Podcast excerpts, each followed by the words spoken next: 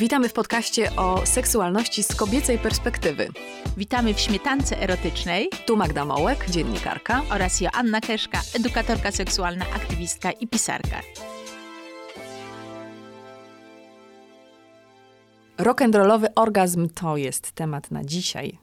To jest absolutnie fantastyczne zakończenie naszej serii śmietanki erotycznej, bo w rock'n'rollowym orgazm, orgazmie jest wszystko to, co się liczy w dobrym seksie. Czyli będzie zabawa, czyli będzie kontakt ze swoim ciałem, czyli będzie ruszanie biodrami, czyli będzie takie wzmacnianie mocnego przekonania, że ja tu rządzę. No i parę mitów znowu zostanie obalonych, bo powszechnie uważa się, że orgazm jest łatwy dla mężczyzn i trudniejszy dla nas kobiet. A paradoksalnie to kobiety mogą szczytować dłużej, intensywniej, częściej od swoich partnerów. Słyszałyście to dziewczyny?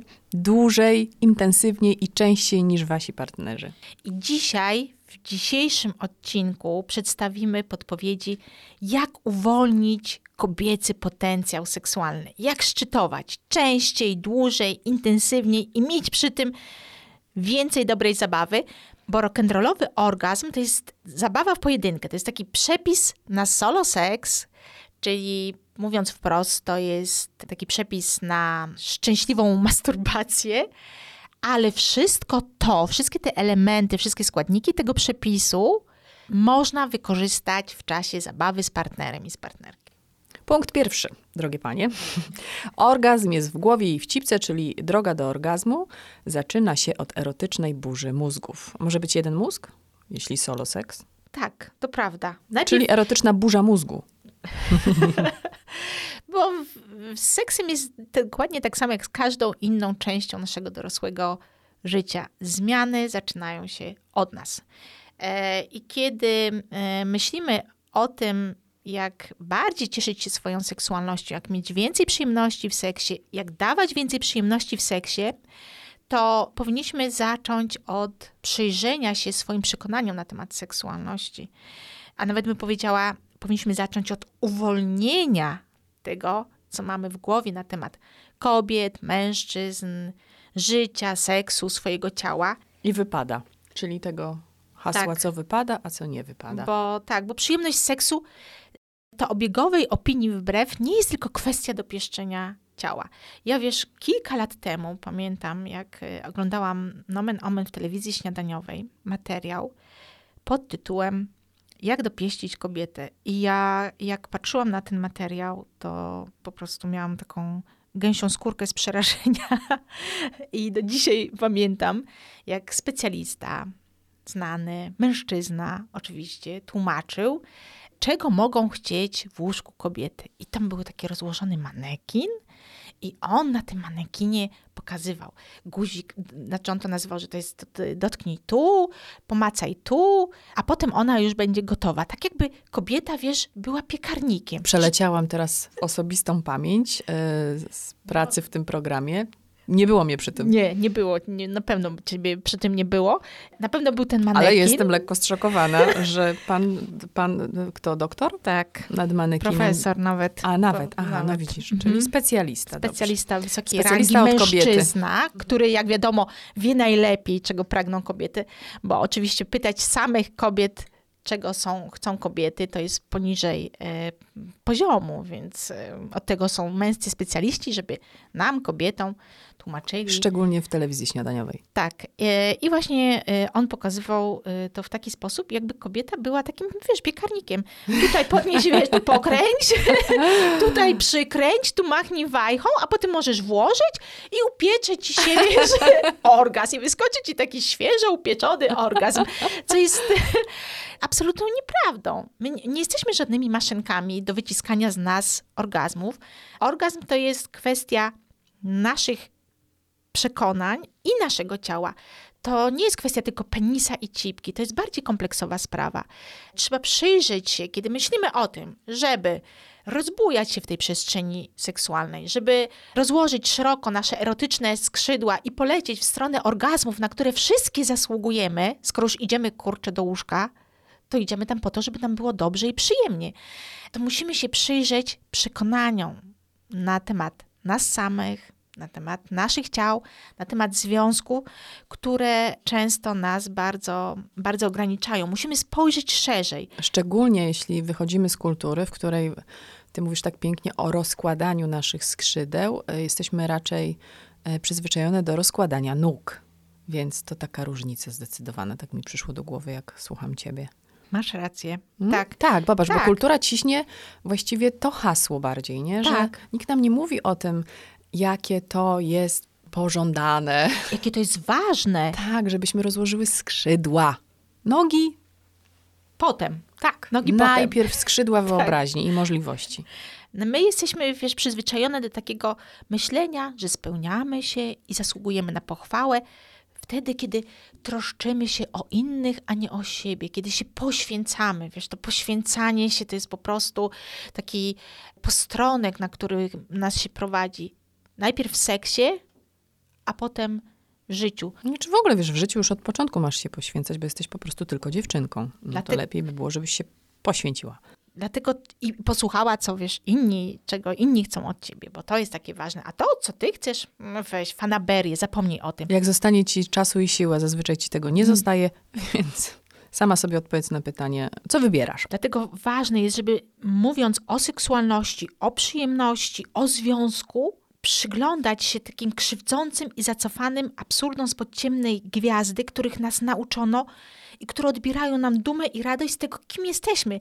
Bo bez takiego mocnego przekonania, że ja też się liczę, że ja też mam znaczenie, nie zbudujemy ani dobrego związku, ani dobrego seksu, ani dobrego życia.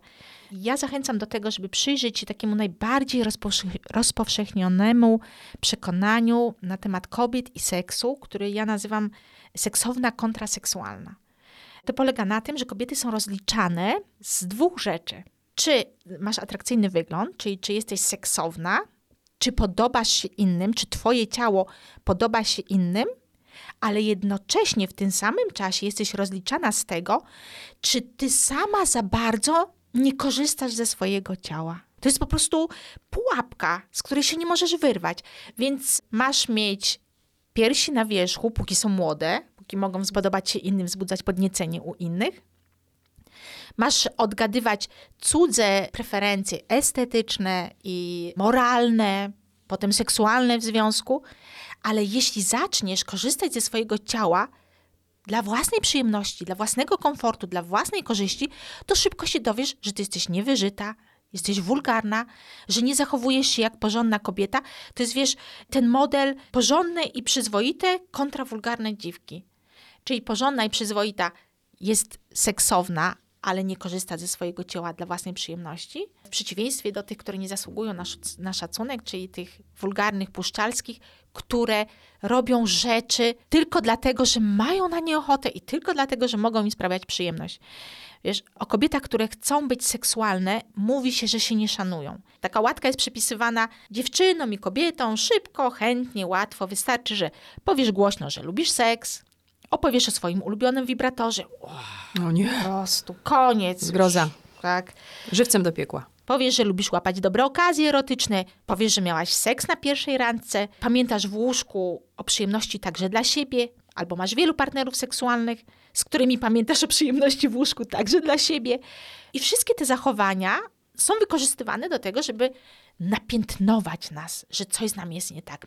To jesteś kobietą, która się nie szanuje, bo porządna kobieta podoba się, Ale, się z- szanuje. ale zaciska zęby, Oraz nogi. E, znaczy, zaciska, no z nogami to jest tak, że wiesz, jak Kiedy, e, kiedy pan chce, pan to... chce, to otwiera, a kiedy społeczeństwo mówi, że ma nie korzystać ze swojego ciała, to ona wtedy zamyka. No i zobaczcie, że tu w ogóle nawet nie ma miejsca na te skrzydła szeroko rozpięte, o których powiedziałyśmy na początku, nie? No bo jak, znowu, przy zamkniętym ciele, Tak. w zamkniętych emocjach, Mhm. gdzie będzie przestrzeń do bycia sobą, dla siebie ważną, dla siebie czułą, miłą? Nie ma. Przy nieznajomości swojego ciała, my jesteśmy po prostu odcięte od swojego ciała. Wiele kobiet nigdy w życiu nie widziało swoich wagin, nie dotykało się.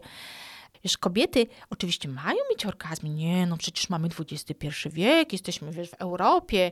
To nie jest tak, że e, odmawiamy wam przyjemności z seksu, ale to ma być taki cichy, elegancki orgazm, żeby on mógł poczuć się lepiej. Taki męski, Taki, taki spełniony. tak.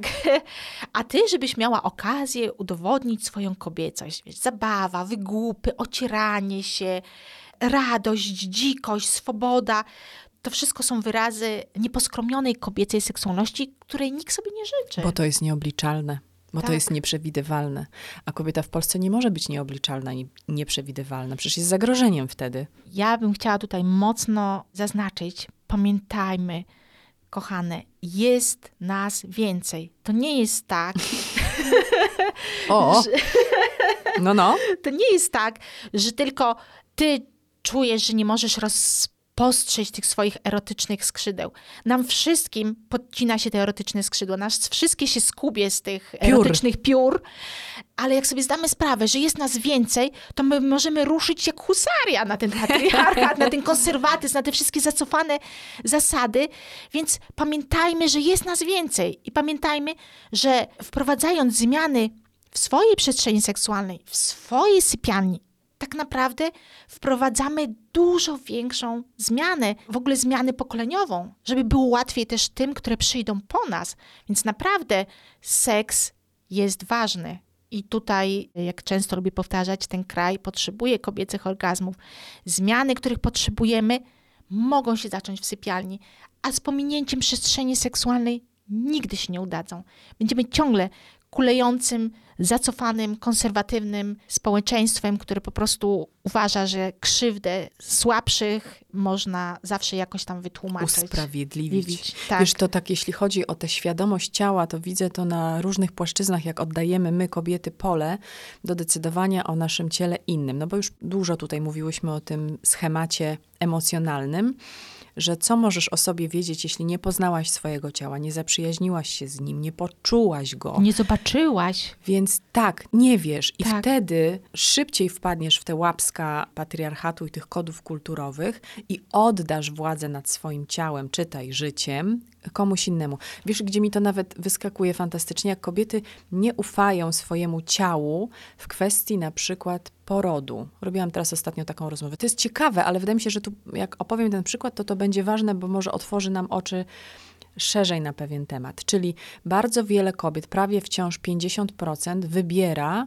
poród przez cesarskie cięcie ze strachu, ze wstydu, z takiego przekonania, że inni zrobią to za nas lepiej. Nie ufamy ciału, że ono umie, wie, że sobie poradzimy, bo nie ufamy, bo nie znamy swojego ciała. Nie ufamy osobom czy kobietom typu położne dule, które mogą nas przez to przeprowadzić, bo mamy wrodzone poczucie zagrożenia własnego bezpieczeństwa i na wszelki wypadek dystans i wolimy nie ufać. Ale paradoksalnie, idąc na salę operacyjną, oddajemy swoje ciało i jego moce w ręce kogoś na zewnątrz, czyli kurczę, w sumie musimy ufać tej osobie, w tym przypadku lekarzowi najczęściej, który za nas zrobi, tu znowu cudzysłów ten poród, ale jak wrócę znowu do początku tego myślenia kobiety o samej sobie, to moim zdaniem tu jest źródło, ponieważ nikt nam nie powiedział, nikt nas nie przygotował, nie wyedukował, zero edukacji seksualnej, zero poczucia bezpieczeństwa w kobiecym gronie, skutkuje tym, że my w tak wielu sprawach właśnie nie ufamy mądrości naszego ciała. To, co ty zawsze powtarzasz. Możesz oszukiwać głowę i wszystkich dookoła, cipki nie oszukasz. Ona zawsze zareaguje we właściwy sposób. To jest najszczerszy organ, absolutnie. Nawet powiem więcej, że wsłuchujmy się w swoją cipkę, a potem już wsłuchujmy się także w swoją łechtaczkę. To też jest niesamowite, ale o łechtaczce zaraz będziemy też mówić, bo łechtaczka jest elementem bardzo istotnym rock'n'rollowego orgazmu. Tak, ale zobacz tu, tu dalej, bo jeśli oddajemy swoje ciała do dyspozycji innych, czy lekarzy, czy partnerów, Kochanków. czy kochanków, to zobacz, to nie ma naszego własnego wpływu na to, czego my chcemy i kim my jesteśmy. Przecież on nie wie niczego więcej o twoim ciele. Ja zawsze podkreślam, żeby nie oddawać swoich orgazmów w ręce partnerów. Po pierwsze, Oni nie, nie czują naszego ciała, nie znają naszego ciała. Przecież oni nie mają pojęcia, co to znaczy mieć łechtaczkę, czuć łechtaczkę, mieć wilgotną pochwę, mieć suchą pochwę. To my to wiemy. My możemy zdobywać tą wiedzę, sięgać do swoich cipek, sięgać do swoich łechtaczek i dzielić się tą wiedzą z nimi, a nie czekać, wiesz, jak takie erotyczne środki, Marysie, aż ktoś nam da pozwolenie ciągle, wiesz. Czy partner da nam pozwolenie na to, że wolno nam, czy nam nie wolno sięgnąć do łechtaczki w czasie zabawy z penisem. Czy partner da nam pozwolenie na to, żebyśmy mogły się trochę poocierać, trochę powygłupiać. Tak całe Same- życie będziecie tak. czekać, aż ktoś wam da e, prawo, możliwość, zgodę. To jest takie ważne, żeby przestać traktować swoje potrzeby jako fanaberię. To, czego ja chcę, ma znaczenie. I to jest absolutnie, wiesz, must have, jeżeli chodzi o osiąganie orgazmów, zarówno tych rock'n'rollowych, jak i każdych innych. Żeby uwolnić się od takich zacofanych absurdów, którymi zatruwano nam przez wiele lat głowy. I to jest, słuchajcie, dziewczyny i kobiety, kwestia decyzji. To nie jest coś, co jest nieosiągalne, niedostępne. Jak sobie szczerze ze sobą samą porozmawiacie, to zaufajcie mi, to jest kwestia decyzji. Naprawdę, to jest po prostu przegadania z samą sobą w myślach przed lustrem, jak wam tam wypadnie, spróbowania i wtedy odkryjecie, jakie macie moce. Ta decyzja w przestrzeni seksualnej może być i jest prosta. Po prostu decydujemy, że seks ma być przyjemnością. Pamiętacie, tyle mówiłyśmy kiedyś tyle. o lodziarni. To ma być ta przestrzeń po prostu przyjemności. To wy wchodzicie, wy wybieracie i wy się rozkoszujecie tym, co wybrałyście. Jeżeli macie potrzeby, coś was interesuje, macie na coś ochoty, macie na coś smaka, to z wami jest wszystko ok. Nie w porządku są ci, którzy próbują was z tego powodu zawstydzić, zastraszyć, wykorzystać. No to Więc- wjeżdżamy w ten rock'n'rollowy orgazm. Tak. Od czego zaczynamy? Czy rock'n'rollowy orgazm, ja tak to nazwałam, bo to jest połączenie kilku elementów. Będziemy zwiększać swoje doznania w czasie masturbacji, ale tak jak powiedziałam, wszystko to, co jest elementem rock'n'rollowego solo seksu, z łatwością można wykorzystać w czasie zabawy z partnerem i z partnerką. Więc będziemy wyciągać rękę do swojej łechtaczki, rozkołyszemy miednicę i będziemy głośno oddychać. Będzie taki głośny orgazm, jakbyśmy występowały na erotycznej scenie. A to też jest problem wielu kobiet, bo my nie potrafimy nawet krzyczeć. Tak. Uwalnianie emocji poprzez głos, przez nas, e, przez nasz krzyk. My, ostatnio się dowiedziałam, kobiety w złości nie potrafią tupać. To też jest jakieś rozładowanie energii. A potem dziewczyny, to się wszystko kumuluje w ciele. Uwewnętrzniamy tą złość. Tak, to się wam zaciśnie w kolanach, to wejdzie wam w biodra, to I w wejdzie cipki. wam e, w szczęki. Wszędzie w naszym ciele są takie miejsca, w których lokuje się ta niewypowiedziana, niewykrzyczana złość, bunt, gniew. Rock'n'rollowy orgazm polega właśnie na tym, żeby się zrelaksować i na tyle, na ile tylko możliwe, uwolnić od napięć. Bo tak naprawdę seks i związany z nim orgazm jest kontaktem z naszym ciałem, tak? A im nasze ciało jest mniej napięte, im więcej napięć się pozbywamy, tym lepiej się z tym ciałem czujemy i ze sobą po prostu. Startujemy z rock'n'rollowym orgazmem. Od czego zaczynamy? Od uśmiechu. To jest bardzo ważne, żeby em, kojarzyć przestrzeń erotyczną, przestrzeń seksualną z czymś przyjemnym, z zabawą, z relaksem, żeby uśmiechnąć się. Kiedy myślimy o tym, że będziemy mieć solo seks, czy seks y, z partnerem, czy z partnerką, żeby się uśmiechnąć i wysłać sygnał do siebie, do swoich partnerów i partnerek, że my oczekujemy, że za chwilę będzie dobra zabawa. Że tutaj nie ma miejsca na żadne poświęcanie się, zaciskanie zębów, żeby wytrzymać, wywieranie presji. Wysyłamy za pomocą uśmiechu, wysyłamy do siebie, do swojego ciała mocny sygnał, że to ma być strefa relaksu. To jest bardzo ważne, żeby się uśmiechnąć do siebie i też do swojego ciała, bo my jesteśmy tak krytyczne wobec naszego ciała, a nasze ciało potrafi czuć, potrafi odbierać przyjemność, potrafi tą przyjemność dawać. To nie jest ważne, jaką mamy wielkość piersi, czy jaką mamy szerokość bioder. Ważne jest to, że mamy łechtaczki i jeżeli potrafimy je stymulować właściwie, to te łechtaczki są dobre dla nas i odwdzięczają nam się za dobre traktowanie. Więc e, jesteśmy dorosłymi osobami, w naszym życiu też jest seks i mamy prawo z tego korzystać i tym się cieszyć. Dajemy sobie przyzwolenie na przyjemność. Nie jesteśmy ofiarami, zależnymi od kogoś, kto nam da albo nie da pozwolenia na przyjemność. Tak, jesteśmy czułe i troskliwe. Najpierw dla siebie, a potem także tą czułość i troskliwość przenosimy na swoje partnerów i partnerki i tej czułości i troskliwości, którą same siebie obdarowujemy, oczekujemy od naszych partnerów i partnerek. No to jak już jesteśmy takie uśmiechnięte do siebie wewnętrznie, to szukamy... Nie, nie wewnętrznie, zewnętrznie też. Chodzi no, no, o taki no. prawdziwy uśmiech. Tak, ale ja, ja, też o tym myślę, bo taki prawdziwy uśmiech po prostu, no spróbuj teraz, on rozluźnia wszystko. No tak. Schodzi Zdejm napięcie. Zdejmujesz majtki i się uśmiechasz po prostu, wiesz. Znaczy, żeby było jasne, my jeszcze mamy majtki. Siedzimy tu całkiem ubrane. Niestety. Słuchaj, a taki wid wideokast? No, no myślę Magda, że to by był, wiesz... W ostatnim odcinku prawie nakręciłyśmy nasze porno kobiece, a teraz, w a teraz rodzi się nowy pomysł. Gdzie jesteśmy? Napiszcie, co sądzicie o pomyśle. I my z majtek. Słuchaj, kto Boga temu zabroni? Ani ty, ani ja nie jesteśmy bogate, więc na razie sfera marzeń. Nie, nie, ma, nie ma sensu się samemu ograniczać. Nie ma. Przynajmniej w planach to Uśmiechamy się do tego pomysłu. Tak. No i teraz jak już jesteśmy uśmiechnięte, to szukamy czasu i miejsca na swoją przyjemność. Tak, czyli dbamy o erotyczny nastrój i wystrój. Dużo kobiet traktuje solo seks, zabawy w pojedynkę, masturbację jako szybki numerek. Często jest to związane z tym, że pierwsze orgazmy w czasie masturbacji przeżywamy w wieku nastoletnim, kiedy to robiłyśmy szybko, ze strachu, że zaraz do naszego pokoju wejdzie starszy brat, albo młodsza siostra, albo mama, albo tata. I lata mijają, my się stajemy dorosłymi osobami, a te nawyki, że masturbacja to jest takie quickie, z nami zostają. I potem odpalamy jakąś stronę internetową z jakimś filmikiem i robimy bam, bam, bam, orgazm mam tak? Więc ja zachęcam, oczywiście nie ma nic złego w szybkich orgazmach, ale ja zachęcam do tego, żeby skorzystać z podpowiedzi Mae West, czyli seksbomby hollywoodzkiej z lat 20. ubiegłego wieku, która mówiła, wszystko, co warte jest zrobienia, warto robić powoli. I Śpiesz się powoli. Jeśli poświęcimy więcej czasu na przygotowanie, na zaangażowanie się w naszą zabawę solo, to w nagrodę dostaniemy więcej przyjemności, więcej zabawy i intensywniejsze, czyli bardziej rock'n'rollowe orgazmy.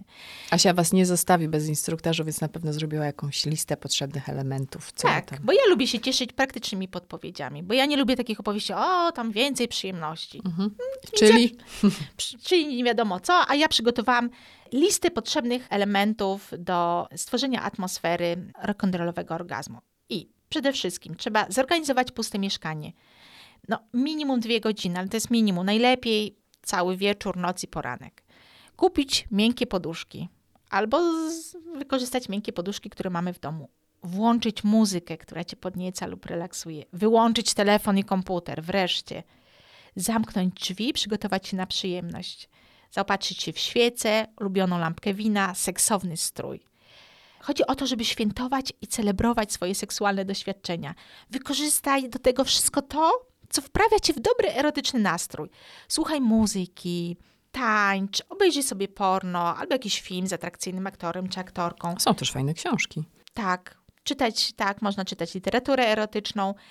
Można zapisać swoje fantazje w jakimś e, erodzienniku własnym, założyć perły, jedwab, piórka, coś, co powoduje, że czujemy się zmysłowe, seksowne. I wyjątkowe też, nie? Tak, same i same dla siebie. To jest takie tak, bardzo właśnie, ważne. to jest ważne. Można się posmarować olejkiem do masażu, zapalić świeczki, zrobić z tej przestrzeni, w której będziemy bawić się w rock'n'rollowy orgazm, taki zmysłowy buduar we własnym domu. I moje hasło, jeżeli chodzi o tworzenie takiej przestrzeni do rock'n'rollowego orgazmu, im mniej mam ubrań na sobie, tym czuję się lepiej. ja naprawdę zauważyłam, że e, jakieś w, w, ubraniach to tutaj z, z, jakiś brzuch mi coś wystaje, jakieś tam piersi się tak nie układają jak trzeba, coś tam. A nagle zdejmuję ubrania i wszystko jest tak jak trzeba. Luz jest. Tak. I oczywiście można założyć sobie coś na głowę. Na przykład? A na przykład jakąś futrzaną czapkę. Mój brat mi dał taką futrzaną czapkę. Do seksu? Nie, nie, do seksu. On nie wiedział, że to będzie do seksu. No, dał, dał swojej siostrze, jak A myślał, do czego ona to wykorzysta. No. Tak, potem przeczytał moją książkę, bo piszę o tym w potędze zabawnego seksu. Że używam jej, bo ona ma taki, taki bardzo przyjemny włoch, włochata jest taki bardzo przyjemny sposób. E, To jest niesamowite, jak bardzo ją lubię. Tam siebie, mózg. Zmysł że- dotyku taki jest Tak, rozwinięty. Masz rozwinięty, Ona więc jest- czujesz tak, no, tak. przyjemność. Jest świetna. No, ja z czapką pasujemy do siebie. On był bardzo zaskoczony, że jego prezent zamienił się w taki gadżet erotyczny. Ale to jest Słynny na całą Polskę. Ale to jest tylko dowód na to, że nie należy się ograniczać, tak? I jeżeli myślimy o tym, co wprawia nas w dobry zmysłowy nastrój, to naprawdę skupmy się na sobie. Co powoduje, że my czujemy się bardziej seksowne, bardziej zabawne, bardziej wyluzowane. Teraz mi się przypomniało, że dostałam a propos właśnie prezentów taki zestaw pawich piór, które floryści wykorzystują w bukietach. I to wiesz, stoi u mnie to na toaletce, piękne te pawie oko, tam takie przepiękne. I ty wiesz, jakie to jest przyjemne w dotyku. Teraz tak pomyślałam, tak się wysmagam tym piórem. Smerasz się. Tylko pamiętaj, żeby powoli się smerać, wiesz? No Powoli. już wiem, śpiesz się powoli, Tak. czyli jak? Wszystko, co warte jest zrobienia, warto, robić powoli. Tak. Mhm. Ja mam pięć tych piór, to tak każdy. Piórka są fajne. Bardzo. Mm. Ja mam takie piórka marabuta. Jak macie na przykład takie piórka do sprzątania, to po co nimi sprzątać, jak można się tak fajnie po, popiórkować. Papiórka. No dobra, to już mamy tutaj ze, Atmosferę zewnętrz, atmosferę. I teraz przechodzimy do działania. Tak jest. Jesteśmy pachnące, w czapce albo bez, w perłach albo bez, z piórami albo bez, ale już jesteśmy gotowe do akcji. I od czego zaczynamy? Od ruszania miednicą. I dlatego ten przepis na orgazm nazwałam rock'n'rollowym orgazmem, bo kluczem do przyjemności jest, żeby pozbawić się takiego napięcia z ciała, żeby zdać sobie sprawę, że seks to nie jest kwestia, przyjemność seksu to nie jest kwestia wciśnięcia jakichś tam magicznych guzików w naszej cipce, tylko bycie w kontakcie ze swoim ciałem. I to, co robił Elvis Presley na scenie, to, co on robił z miednicą, to my powinnyśmy robić wchodząc do sypialni, zarówno wtedy, kiedy bawimy się solo, jak i wtedy, kiedy bawimy się w duecie. To nie bez powodu tango było traktowane jako element gry wstępnej. Taniec pomaga nam pozbawić się napięcia z ciała. A szczególnie, kiedy tańczymy, kiedy wprawiamy się w dobry nastrój, szczególnie pamiętajmy o tym, żeby ruszać miednicą. Odpalmy sobie ten filmik z Elvisem Presleyem, zobaczmy, co on robił z biodrami i zróbmy to samo w swojej sypialni.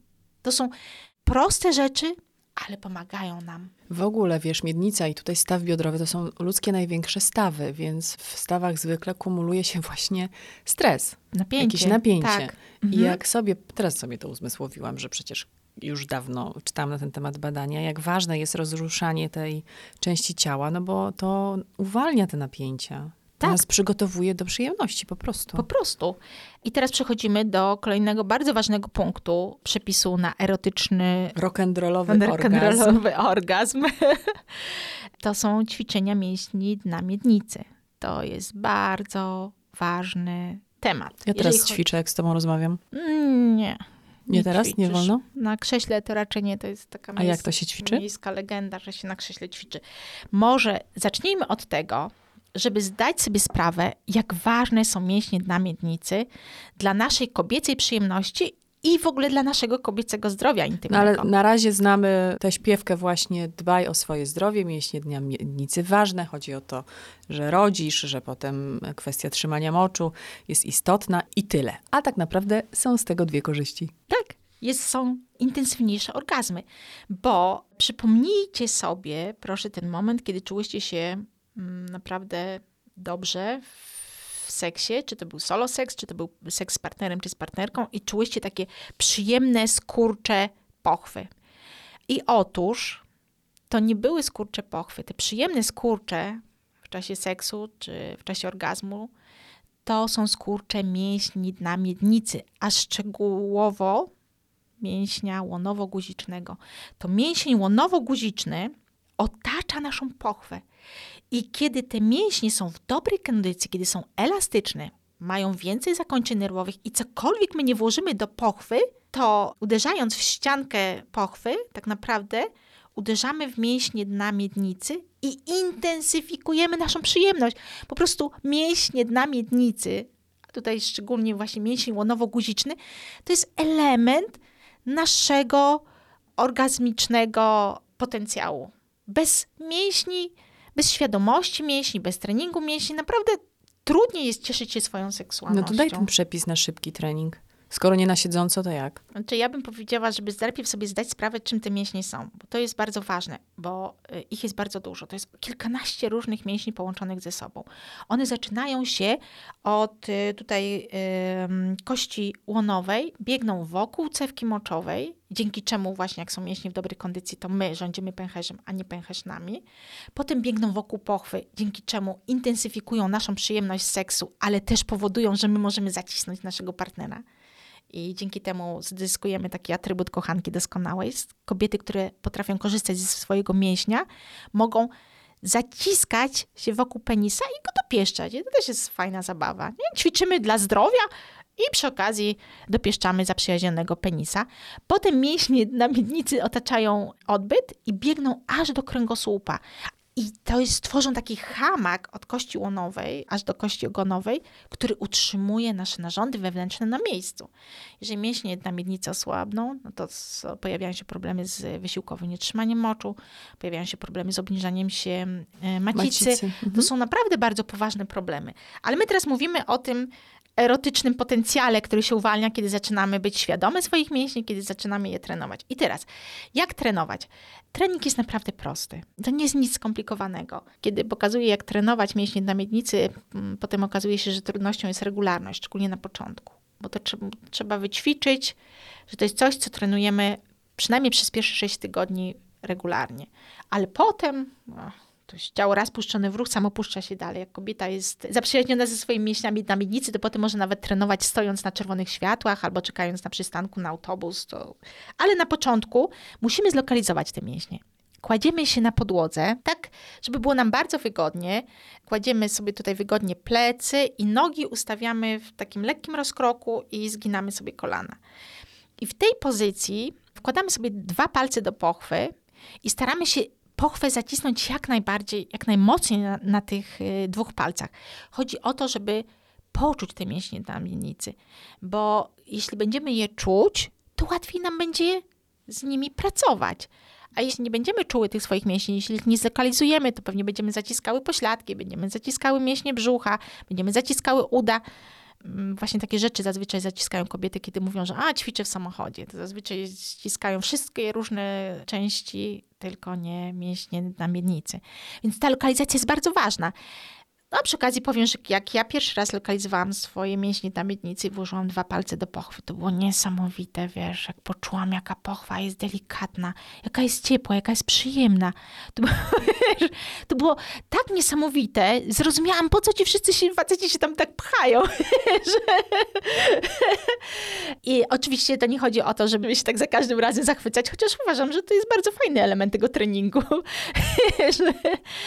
no i jak zlokalizujemy te mięśnie. Jest też, wiesz, drugi sposób, kiedy chcemy sobie przypomnieć, jak te mięśnie pracują, gdzie są, bo to bardzo pomaga w treningu, to można też przerywać strumień moczu, ale to tylko w celach lokalizacji. Bo jest jakaś miejska legenda, z którą ja się co jakiś czas spotykam. Kobiety mówią, że a, one słyszały o tym, że można trening mięśni na miednicy robić w toalecie, przerywając y, strumień moczu. Ja mówię, trening absolutnie nie ale w ten sposób raz na jakiś czas można zlokalizować te mięśnie, przypomnieć sobie, gdzie one dokładnie są i jak pracują, po to, żeby ten, e, potem ćwiczenia były bardziej efektywne i przynosiły nam lepszą korzyść. No więc y, jeszcze raz powiem, że właśnie rozmawiając z tobą ćwiczę, ponieważ e, mnie nauczono.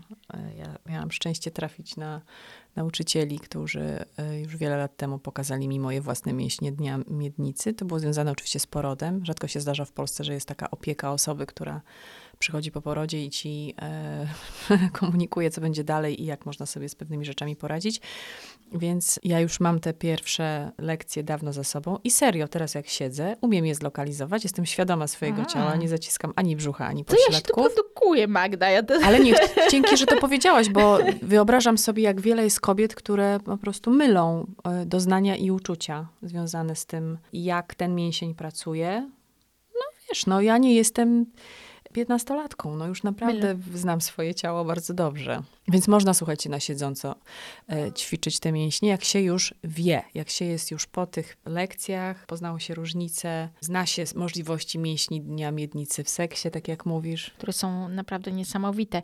Ale wiele kobiet myli coś takiego, że nam się ciągle wmawia, że naszym głównym organem seksualnym jest pochwa. I wiele kobiet tak myśli. Przychodzą do mnie często kobiety, które mówią, o, z moją waginą jest coś nie tak. Więc ja się pytam, ale co? No nie, nie, jest, mało reaguje, tak, jest y, na, na, na bodźce. Ja mówię, moja też.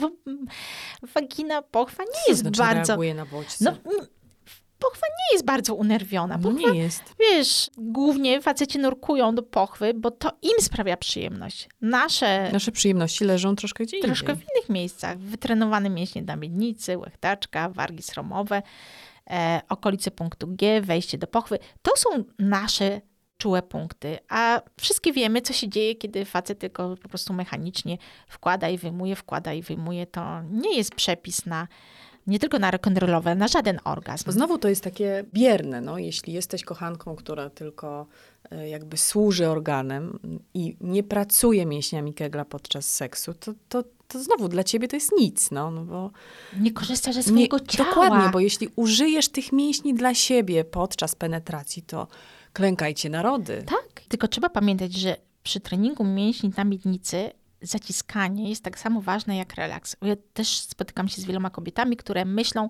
że trening kegla to jest tylko zacisk, że tylko skurcze.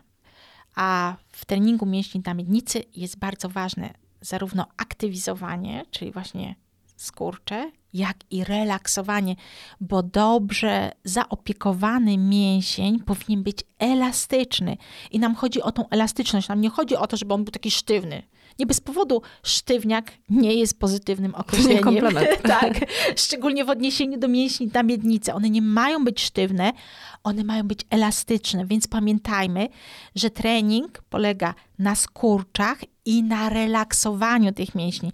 Ja o tym, jak dokładnie trenować mięśnie na miednicy, piszę w swoich książkach i w Grzeczna to już byłam, i w Potędze Zabawnego Seksu, i mówię na swoich y, warsztatach i na spotkaniach, bo to jest absolutnie podstawa, a kobiety o tym nie wiedzą, bo nam się, wiesz, od pasa w dół to w ogóle już jest strefa w twojego faceta i, i ty tam nie zaglądaj, nie grzeb, nie dotykaj, nie wkładaj, tylko nogi rozkładaj i czekaj na cud, wiesz. A jak y, cud w postaci orgazmu w czasie penetracji nie nastąpi, to znaczy, że coś z tobą jest nie tak. Więc nie.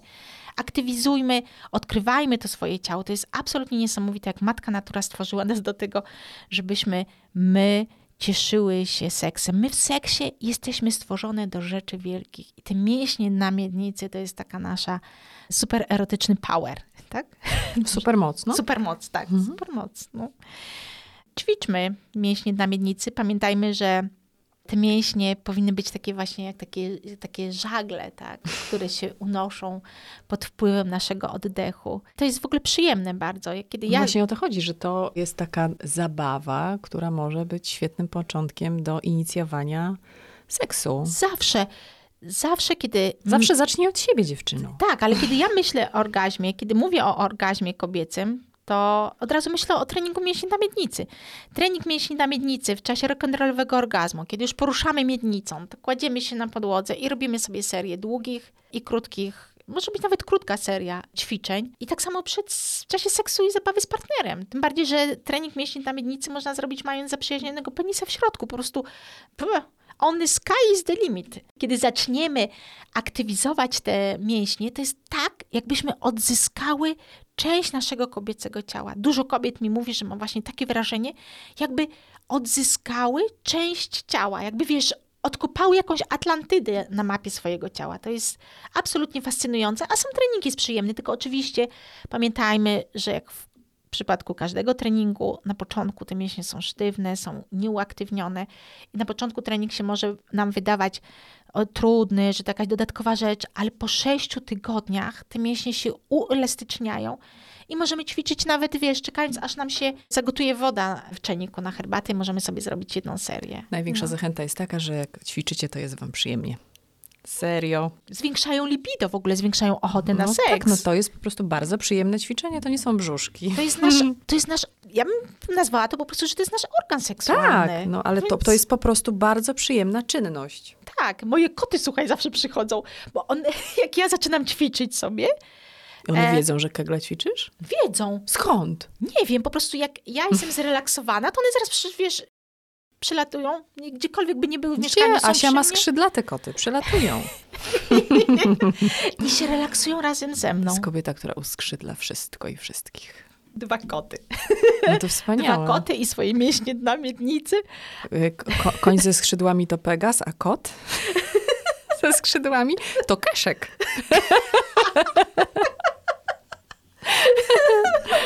Ja mam O. Borysa i Pestkę, ale to jest niesamowite, jak one, wiesz co, one reagują na takie, takie dobre vibe. Ja jestem zrelaksowana, ćwiczę sobie mięśnie na miednicy, a u mnie to już jest taki efekt Pawłowa, że jak ja zaczynam ćwiczyć mięśnie na miednicy, to zaraz myślę o tym, jak je wykorzystać. No, no, mówiłam, ile jest po prostu korzyści z, z poćwiczenia mięśnia. Więc absolutnie, jeśli chcemy naprawdę rock'n'rollowego orgazmu, to rozlokalizujemy swoje mięśnie na miednicy i ćwiczymy zarówno w czasie solo seksu, jak i w czasie zabawy z partnerem lub z partnerką. No i teraz kolejny element, wydawałoby się, że oczywisty, ale nie dla wszystkich. Otóż ułóż się wygodnie. To jest me mega istotne, żeby posłuchać swojego ciała. Że to nie jest tak, że seks to jest wtedy, kiedy kobieta leży na plecach i ma rozłożone nogi. Możemy leżeć na plecach, ale możemy też leżeć na brzuchu. Możemy siedzieć na krześle, albo możemy być rozłożone na fotelu. Możemy klęczeć, albo możemy kucać, a jeszcze na dodatek możemy kucać przed lustrem dużym i być w ogóle w kontakcie ze swoją cipką. Ważne jest, żeby to prowadziło nas właśnie to moje ulubione trio, czyli relaks, zabawa i komfort. W seksie ma być nam wygodnie. Po prostu, bo to jest kontakt z ciałem, więc szukajmy tej pozycji. I teraz kolejny ważny element rock'n'rollowego orgazmu, w ogóle orgazmów. Oddech. To jest bardzo, bardzo ważne. Wiele kobiet w czasie seksu wstrzymuje oddech. Wy, my oddychajmy głęboko, bo dostarczanie krwi, tlenu do krwi jest niezbędne, żeby czuć przyjemność, żeby energia była w łechtaczce, w cipce, w ogóle w całym naszym ciele. Bądźmy głośne i ekspresyjne, tak jakbyśmy właśnie występowały na takiej erotycznej solo czy w duecie scenie.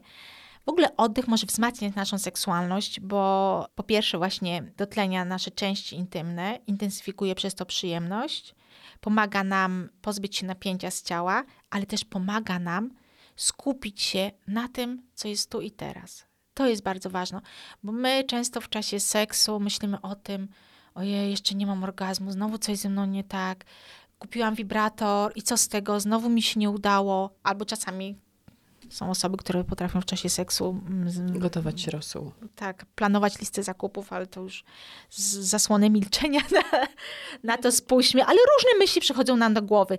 A kiedy zaczynamy świadomie i głośno od, i Musisz się głęboko skupić oddychać, na oddechu, tak. więc te myśli będą uciekać. oddech nas prowadzi. Taką zrobić sobie, wiesz, taki waginowy mindfulness sobie zrobić.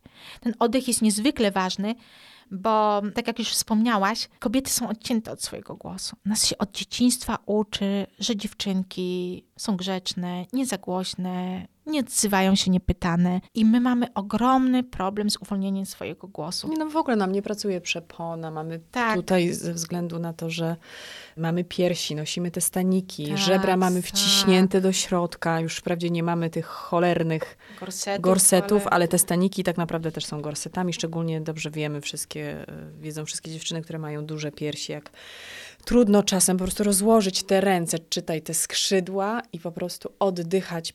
Co to znaczy pełną piersią? No właśnie, tak, tak jak aż tam do, do głębi, do, wydawałoby się do brzucha. do Puść ten na brzuch. miednicy, do Tak. cipki. Puśćmy ten brzuch, jak go puścimy, to nam ten oddech wiedzie właśnie głębiej, do pochwy, do, tak jak mówisz, do łechtaczki. Tam Tak. będzie po prostu tlen. Mhm. Można zacząć ćwiczenia oddechowe od tego dźwięku OM, który wszyscy znamy. Tak? On jest taki, taki medytacyjny bardzo, dźwięk. Tak, tak, on jest taki bardzo przyjemny, bardzo taki łagodny. Om. om. I to M jest takie wibrujące tak. jeszcze. Ono powoduje tak. niesamowite wibracje w ciele, w głowie, w mózgu.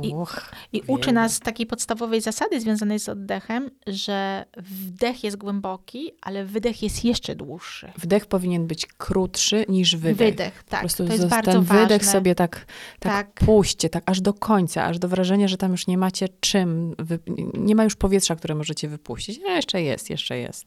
Można też, wiesz, ćwiczyć ten oddech i głos, no bo kiedy jesteśmy głośne, to oddychamy. Kiedy krzyczymy, kiedy jęczymy, kiedy wydajemy dźwięki rozkoszy, to oddychamy. Nie oddychamy wtedy, kiedy jesteśmy cicho. Cisza? Kontrolujemy się. Tak. Mhm. Cisza oznacza, to jest że z kontrolą oddech związane. Jest... No tak, właśnie. Jest... Szanuj się, bądź grzeczna, Tak. bądź cicho. Nie bądź za głośno. Dlaczego się wtrącasz? Tam jeszcze? Dzieci i ryby głosu nie mają. To Mhm. też jest takie e, dyscyplinujące. Czasami niektórzy dowcipniejsi dodają kobiety też. Kolejnym takim ćwiczeniem na to, żeby odzyskać ten głos jest wyśpiewanie na przykład swojego nazwiska panieńskiego.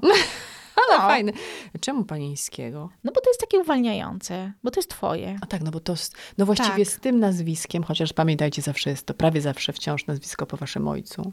To też jest bardzo ciekawy temat, nie? Mhm. E, To się powolutku zmienia, ale nadal wciąż my, kobiety, nosimy nazwiska naszych ojców, rzadko naszych rodziców albo, albo matek. A ja w ogóle na przykład często gdzieś tam jakieś banki pytają nazwisko panieńskie matki. Ja mam wtedy tak, Cisza. czekaj, Tak. czekaj, czekaj, czekaj. Tak. Przecież moja mama od zawsze jest tą mamą z tym nazwiskiem mojego ojca. Nie? Jaką pamięć trzeba, trening pamięci, żeby wrócić do faktów. A to są fakty. Przecież moja mama kiedyś, do któregoś tam roku życia, była tą Krystyną o tamtym nazwisku. I potem tylko papierologia i patriarchat spowodowały, że mamy nazwisko po ojcu. Znaczy ona po mężu, a ja po moim ojcu. Prawda, to nas odcina od takiej ważnej kobiecej historii, bo ja ostatnio miałam taką sytuację, że szukałam jakiegoś tam wywiadu sama ze sobą. Jakichś materiałów szukałam i wbiłam swoje nazwisko i wyskoczyły mi jakieś informacje o moim dziadku. Były A jakie ty masz poprzednie nazwisko?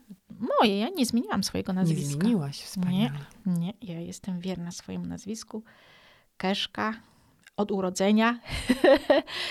Ale wiesz, y, w związku z tym, że googlowałam swoje nazwisko, to wyskoczyła mi historia mojego dziadka, tak? A gdybym miała nazwisko mojej mamy, może bym dowiedziała się czegoś na ten temat. O żeńskiej linii rodu. Tak, oczywiście ja rozumiem, można wygooglować zawsze historię rodziny mojej mamy, ale tu chodziło o to, że to było tak z automatu, tak? Kiedy Taka dowiaduję oczywista oczywistość. Tak. tak. coś, szukam na swój temat, bach, okazuje się, że wyskakują jakieś informacje, docierają do mnie informacje dotyczące tej właśnie męskiej linii Także to rodziny. bardzo uwalniające, bardzo to ciekawe, Tak, ciekawy temat, żeby śpiewajmy sięgnąć swój- po siebie. Swoje nazwisko, a kiedy już będziemy na to gotowi, wykrzyczmy je, tak? Mhm. Tak, to jest, wcale nie jest takie łatwe zadanie. To się tak wydaje Znaczy- łatwe, jak sobie tam opowiadamy, albo jak się tego słucha, ale jeżeli gdzieś jesteście w takiej przestrzeni, gdzie możecie teraz e, zaśpiewać albo krzyknąć, spróbujcie na głos zaśpiewać swoje nazwisko panieńskie. I zobaczcie, jak wam pójdzie. Będą łzy. Będą. Tak, ale na pewno będzie oddech. Tak. Kolejny element naszego rock'n'rollowego orgazmu to jest element, który ja bardzo lubię, bo to jest używaj wibratora. Ja uważam, że każda kobieta powinna mieć w swojej torebce zaprzyjaźniony wibrator. Nie trzeba z niego korzystać, jeżeli nie mamy ochoty, ale mieć go zawsze pod ręką, gdybyśmy akurat tą ochotę miały. Bo W s- torebce. Hmm. no, żeby był Już pod widzę, jak ręką. wysypuje te zabawki dziecka. I swoje. Ja pamiętam, jak w centrum prowadziłam kiedyś spotkanie i bardzo się śpieszyłam. I miałam ogro, taki koszyk wypchany wibratorami. I oczywiście się przewróciłam i wibratory mi się rozsypały. Wspaniałe. Tak, i taki miły pan, ja po prostu w takim dzikim pędzie, bo tutaj już spóźniona, tutaj wibratory leżą na tym chodniku. I taki miły pan, tak mi pomagał. Zero, w ogóle zero jakiegokolwiek, pytań. zero pytań, jakich komentarzy. Może pan był z branży. tak delikatnie przykładał ze mną te wszystkie gadżety do tego koszyka. Więc naprawdę, od kiedy zajmuję się tym tematem seksualności, wiem, że w tym kraju są fajni mężczyźni. Ale serio, żadnego pytania? Nie, naprawdę. Po prostu on widział, że ja tutaj, wiesz, że się śpieszę, że mi się wysypały te wibratory i taka stuprocentowa chęć pomocy. Ta kobieta w tym momencie potrzebuje, żeby te wibratory z powrotem były w tym koszyku. I ja jej pomogę. No, I to było tak urocze, bardzo, bardzo miłe. I, mm, Pozdrawiamy pana, bo pewnie nas też słucha. Mam Zapamiętał nadzieję. sobie kobietę z tą z bandą wibratorów. To ja byłam. e, więc ja zachęcam do tego, żeby taki zaprzyjaźniony wibrator mieć. Bo kobiety się straszy, że a, to wibrator to jest gadżet dla niewyżytych kobiet, albo dla takich, co im się w życiu nie powiodło. Wiesz, no nie masz faceta, no dobrze, to już masz ten wibrator. Więc ten wibrator staje się takim symbolem, że ci się nie udało, tak? A to jest zupełnie Zupełnie nie tak. To jest dokładnie na odwrót i przejmijmy tę narrację. Jeśli masz wibrator, to naprawdę ci się udało, bo jesteś ważna sama dla siebie. Dałaś sobie pozwolenie. Tak. W tym kraju, w którym wszyscy ci będą przekonywać, że ci nie wolno, że ci nie wypada, a ty wbrew temu wszystkiemu dałaś sobie przyzwolenie i to jest, to jest taki dodatek do I seksu. właśnie, właśnie to. Udało ja nie, ci się. Nie twierdzę, że wiesz, że za każdym razem, że musisz, ale fajnie mieć taki zaprzyjaźniony wibrator, bo e, kiedy chcemy mm, e, przeżyć orgazm, to wiele kobiet potrzebuje takich właśnie intensywniejszych i nieprzerwanych doznań. I wtedy wibrator jest świetnym dodatkiem, uwaga, do masowania. Wibrator nie służy do wyciskania orgazmów z opornych kobiet. On służy do masowania, do zintensyfikowania doznań. Też wiele kobiet się obawia, że się uzależnią albo że będą wolały wibrator od penisa Naprawdę? swojego partnera. Tak, jest taki niepokój. Tyle, wiesz, tyle nam sprzedano śmierdzących historii, które mają nas odciąć od naszego ciała, od przyjemności, od poczucia się takiej, takiej swobody w przestrzeni seksualnej. Też. Tak. E, otóż nie. Penis to penis, a wibrator to wibrator. I ja zawsze mówię, że w idealnym świecie mamy i zaprzyjaźnionego penisa, i zaprzyjaźniony wibrator. Ale różnie się w życiu układa i dobrze mieć przynajmniej... Sąsiada teraz się zrymowało.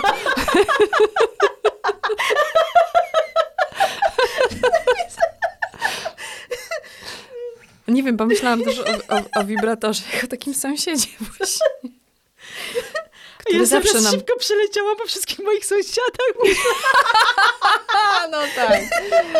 Dlatego jesteśmy takim idealnym duetem. Ta o niebie, ta o chlebie. Okej, okay, więc... Z, oczywiście sąsiadom zaprzyjaźnionym i miłym również zostawiamy otwartą furtkę, e, bo ja uważam, że warto korzystać z dobrych erotycznych, z dobrych erotycznych okazji, takich, dzięki którym czujemy się lepiej, ale wibrator pod ręką, w szafce czy w torebce warto mieć, tylko warto wiedzieć, jak zacząć zabawę z wibratorem. Otóż spotykam panie, które kupują sobie naprawdę fajny wibrator i potem dowiaduje się, że w sypialni rozpędziły go na najmocniejsze wibracje, bo chciały od razu po prostu odlecieć. Odlecieć, tak? I to tak nie działa, bo jeśli chcemy mieć szybkie rezultaty, to możemy spowodować więcej bólu niż przyjemności. Bo może dojść do czegoś, co ja nazywam brutalizowaniem łechtaczki. Łechtaczka jest tak delikatna, że jeśli my rozpędzimy wibrator na najmocniejsze moce i jeszcze przyłożymy do wierzchołka łechtaczki, czyli tej części, którą widać gołym okiem po rozchyleniu warg sromowych, to może nam po prostu zesztywnieć i nie będzie nam sprawiała przyjemności. W związku z czym rozchylamy delikatnie wargi sromowe i rozmasowujemy z jednej i z drugiej strony pochwę na zewnątrz. I jeśli będziemy gotowe na e, rozmasowanie wierzchołka łechtaczki, to poczujemy to. Lepiej właśnie jest myśleć o wibratorze jako o masażerze, niż o maszynie do wyciskania orgazmu z opornych kobiet. W ogóle presja to jest brzydkie słowo, to jest najbrzydsze słowo w seksie, że my musimy mieć orgazm. Uśmiechamy się do swojego ciała, głęboko oddychamy, kołyszemy miednicą, robimy sobie kilka kegli i ustawiamy wibrator pod bardzo różnymi kątami i w różnych pozycjach. To jest fajnie, żeby pozmieniać tą pozycję, żeby się pobawić tym swoim ciałem, żeby właśnie tak nie leżeć w tej biernej pozycji, jak, jak, w której nas tam nauczono, że mamy leżeć tutaj na plecach i nogi rozchylone. I tutaj dodawanie największej mocy nie jest niezbędne. Nawet ja zachęcam do tego, że na początek możemy pieścić się przez bieliznę, żeby jeszcze złagodzić, żeby to był tylko taki wstęp, takie rozmasowanie. I teraz przechodzimy do kolejnego ważnego punktu rock'n'rollowego orgazmu. Nie wywieraj presji na swoje ciało. Żeby nie zapominać, że w seksie nie chodzi o wyciśnięcie z nas orgazmu, ale że chodzi o przyjemność, żeby zmieniać rytm, położenie wibratora, zmieniać sposoby masowania pochwy i łechtaczki, żeby sprawdzić różne pozycje i ustawienia, tak żeby znaleźć te, które nam najbardziej odpowiadają, żeby nie myśleć o tym, że musimy mieć orgazm, tylko żeby skupić się na tym, co naprawdę czujemy. Ciało nas poprowadzi, ciało jest mądre, tylko ważne jest, żeby uwolnić się takiego poczucia winy, wstydu i grzechu, takiego poczucia, że to nie wypada, a nie to już jest za wypada. dużo. Jesteś sama. Wszystko Tak. sobie przygotowałaś, już potańczyłaś, już były piórka, świeczki, wineczko przyjemności. Co ci nie wypada? Wszystko ci wypada. Zero surowego oceniania.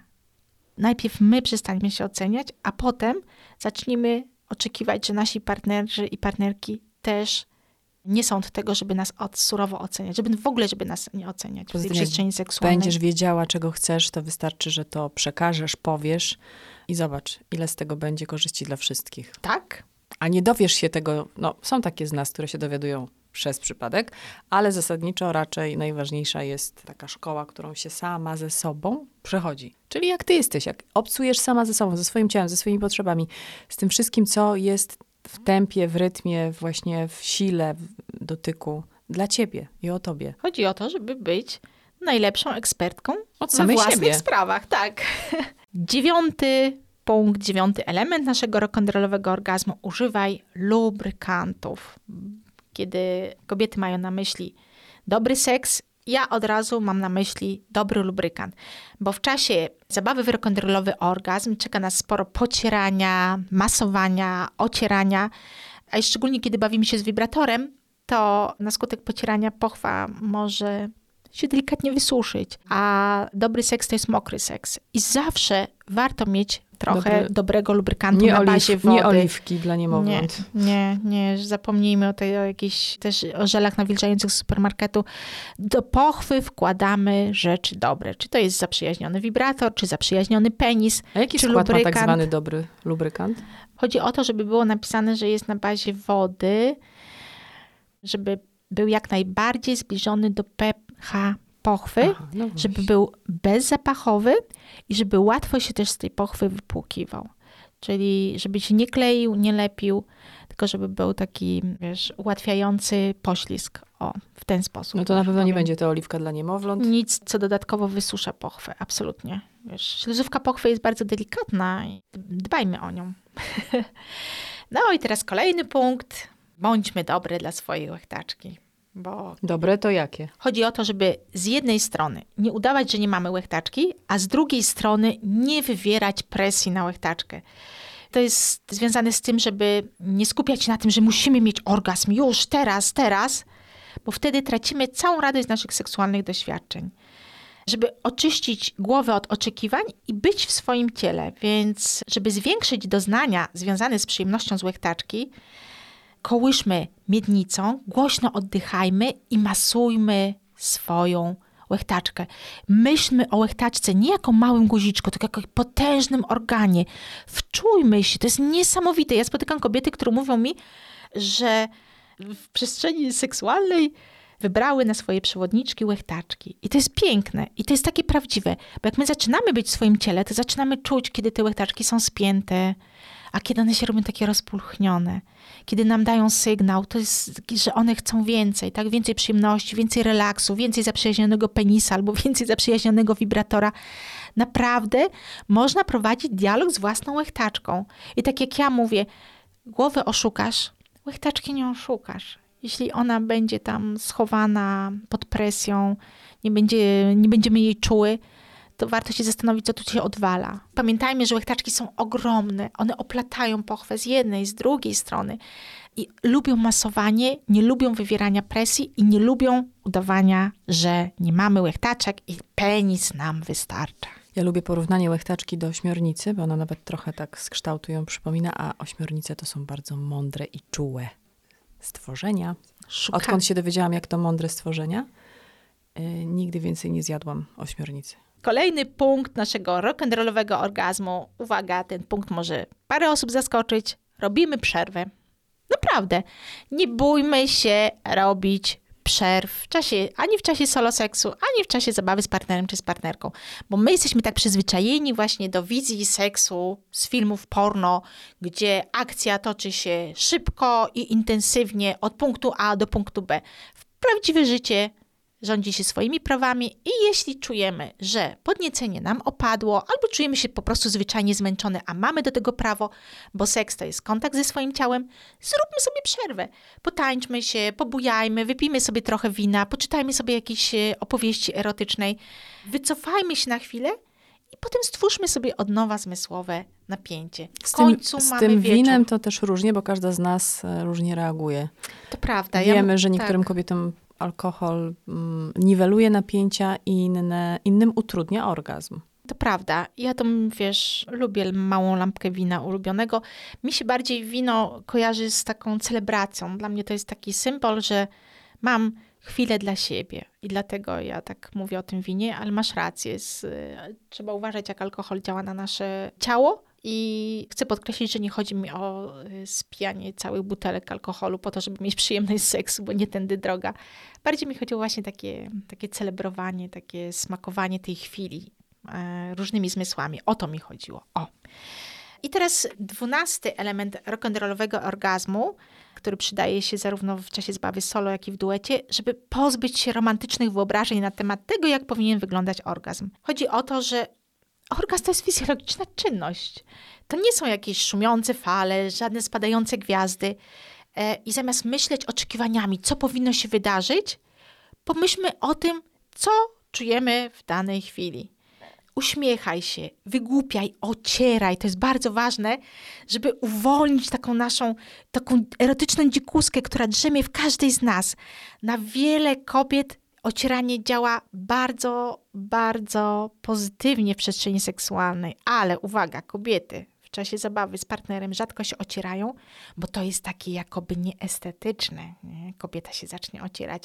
A ja wiem, że jak pozwolisz kobiecie się ocierać o cokolwiek, mm, udo partnera, penisa partnera, e, poduszkę, zaprzyjaźniony wibrator, to ona nie będzie miała problemu z orgazmem. Tylko, że to jest takie, wiesz, nieestetyczne, nie? Nie wiem, czy to jest nieestetyczne. Wiesz, Moim no. zdaniem to nie, nie, nie, to chyba bardziej znowu, co wolno kobiecie, a czego jej nie wolno. Nie wolno. No tak, masz rację. Nie, no, przecież- no masz rację. Przecież to jest super widok, No ocierająca się piękne. kobieta. Tylko, że my jesteśmy tak przyzwyczajone, że to ma być tak elegancko, wiesz, Mhm, tak, tak, cichutko. tak cichutko. Tak. Misjonarka. Ale to ocieranie jest naprawdę e, fajnym sposobem na to, żeby zintensyfikować przyjemność. I jeżeli tylko macie pomysł na to, o co się poocierać, to zróbcie to.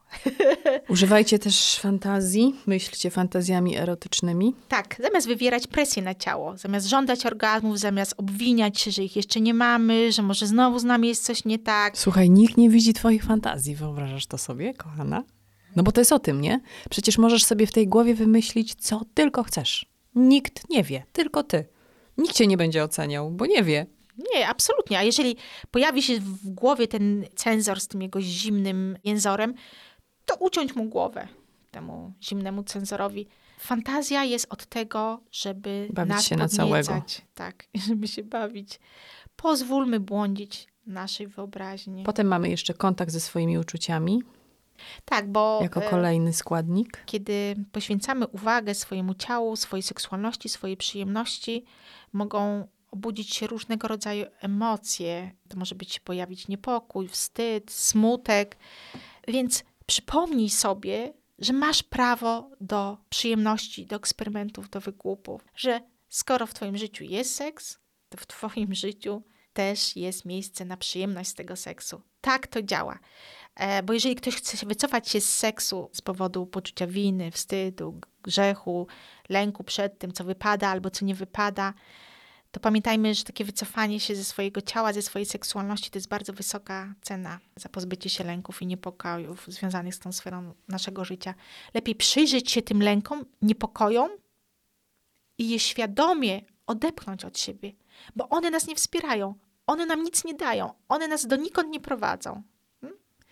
Jeśli w naszym życiu jest seks, to w naszym życiu powinna być przyjemność, swoboda, poczucie komfortu. To też jest dorosłość, moim zdaniem. Wiesz, tak, e, ponieważ zbliżamy się do końca tego podcastu i w ogóle do tej serii, to jak sobie o niej myślę, to myślę też o tym, że dorosłość jest odpowiedzialnością, więc człowiek dorosły po prostu bierze odpowiedzialność za siebie i za swoje decyzje. Więc jeśli mówimy tutaj też o tym, jak bardzo osobistą decyzją jest powiedzenie sobie, będzie tak, jak ja czuję, potrzebuję i chcę, to jest decyzja. Za nią idą konsekwencje tej decyzji, ale dorosłość polega na tym, że podejmujemy decyzje i ponosimy konsekwencje swoich decyzji. I nie możemy myśleć o tym, że znowu ktoś to za nas załatwi, oddać komuś w te często nieprzyjazne łapy swoje ciało, swoje życie. To jest o tym, o tym, że dorosły człowiek, dorosła kobieta jest w takim samym stopniu odpowiedzialna za siebie, jak każda inna istota. Po prostu, jeśli facet może odpowiadać za ciebie, to zastanów się,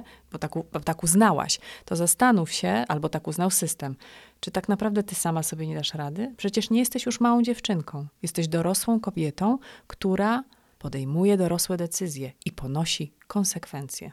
Kobiety sobie świetnie radzą.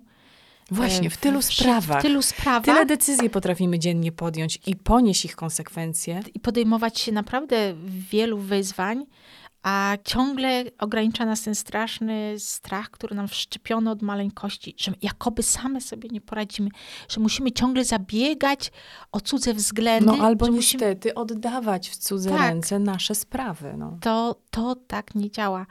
Znaczy odwro- skutek jest odwrotny. Tak. Mamy, jeśli są wśród was te, które są z nami od początku i prawdą jest to, co pisałyście do nas, no to mamy absolutną odpowiedź na te tezy, które tutaj głosimy, no, że cena, którą płacicie za nie decydowanie o sobie i nie ponoszenie konsekwencji jest za wysoka, że wam się wydaje, że macie spokój, że macie jakąś, jakiś tam tor, w którym jesteście. Prędzej czy później to i tak wykipi. Żyjecie też nie swoim życiem, jeśli oddajecie decyzje, czy to życiowe, czy to seksualne w cudze ręce, jeśli czeka ktoś, aż inna osoba mu pozwoli, to może się nie doczekać i nigdy nie mieć w ogóle kontaktu z tym, kim tak naprawdę jest. Życie macie jedno. Życie seksualne w tym też życiu macie też jedne. macie jedno. Nie da rady. Możecie je albo spieprzyć, albo y, dopieprzyć w takim do smaczyć, dosmakować. Dopieprzyć, fajne. Do, no, prawda? Język polski jest wspaniały. Wspaniały. Zobacz, na, na ilu poziomach można sobie decyzją uratować własne życie. Po prostu. A jeżeli podejmiemy decyzję, że skoro w naszym życiu jest seks, to ten seks ma nas wzmacniać, ma być dla nas przyjemny, ma być dla nas komfortowy, ma być w nim przestrzeń na traktowanie poważnie tego, co chcemy, to potem to przekonanie, że my się liczymy, przeniesiemy w inne sfery naszego życia. Będziemy inaczej budować związki z taką większą pewnością siebie, e, będziemy inaczej wchodzić w rolę w przestrzeni zawodowej, z takim przekonaniem, że nie musimy czekać, aż ktoś nas doceni, aż ktoś y, nas zauważy, tylko zaczniemy używać swojego głosu poza sypialnią, a w sypialni będziemy używać swojego głosu i swoich cipek. To jest tak, jak często menadżerowie opowiadają, a psychologowie już zbadali syndrom podwyżki w polskim społeczeństwie. Kobieta, uwaga, idzie prosić o podwyżkę, mężczyzna idzie po podwyżkę. Zobacz, jak to się przełoży na seks. Tak samo jest w seksie, że kobietom się mówi, że muszą się upewnić, czy to nie przeszkadza partnerowi, czyli jakby my jesteśmy stawiane w roli tych, które muszą właśnie prosić o pozwolenie nieustannie, a tak naprawdę seks nie jest skomplikowany. Jeśli masz seks, to powinnaś mieć przyjemność z tego seksu. Nie proś o seks, idź po seks. Tak. Prawda? Tak. Zobacz, I idź po orgazmy, nie proś orgazmy, nie czekaj. Nie czekaj. Tylko wyciągaj rękę do swojej łechtaczki, bądź dobra dla swojej łechtaczki, a ona odwdzięczyć się tym samym. Dziękujemy Wam bardzo. To było osiem bardzo takich dla mnie czułych i prokobiecych spotkań. Dzięki Asia. Ja ci bardzo dziękuję. Jesteś świetną partnerką. Chciałam powiedzieć do seksu, ale to do, Do seksu, już teraz do seksu, tak. już, teraz tak. Już właściwie po naszych wyczynach. Już mamy plany zrobienia kobiecego porno. Pierwsza scena będzie pod latarnią. Ale pamiętam o koszyczku. o koszyczku pełnym arbuzów. No jeden chociaż, żeby był, tylko taki duży. Będzie. Będzie duży budżet, duży koszyczek, duże arbuzy. Już widzę w tym kraju duże budżety na, e, na promowanie Nigdy nie wiadomo. przyjemności wiesz. dla kobiet. Ale świat się zmienia, my się zmieniamy, jesteśmy coraz bardziej świadome. My jesteśmy zmianą. My jesteśmy zmianą. Tak. My i wszystkie osoby, które nas słuchają. Wy też jesteście tą zmianą. Tak. Bardzo jeszcze raz Wam dziękujemy, że tyle czasu spędziliście, spędziłyście z nami. To dla nas też bardzo ważne, bo dla nas to jest ogromny wysiłek, dla Asi, która dzieli się swoim wieloletnim doświadczeniem, która z taką czułością i uwagą patrzy na kobiecą perspektywę w seksie. To był też ogromny wysiłek, bo wiele tygodni te nasze podcasty powstawały. Ja jestem tutaj nawigatorką, przewodniczką, a Asia opowiada z tej perspektywy, która jest w edukacji bardzo ważna, więc Asia, bardzo, naprawdę bardzo Ci dziękuję, bo Ty swoją wiedzą i otwartością ratujesz po prostu następne pokolenia nas. O, teraz widzicie, teraz się wzruszyłam po prostu. Seks łączy dobrych ludzi. Jak tak jak nas połączył. Tak jak nas połączył. tak. I wam też życzymy, żeby ten seks też łączył was z dobrymi ludźmi. Całujemy. Ściskamy. Życzymy dobrego życia i dobrego seksu. I gdzieś tam w świecie do zobaczenia i do usłyszenia. Hej.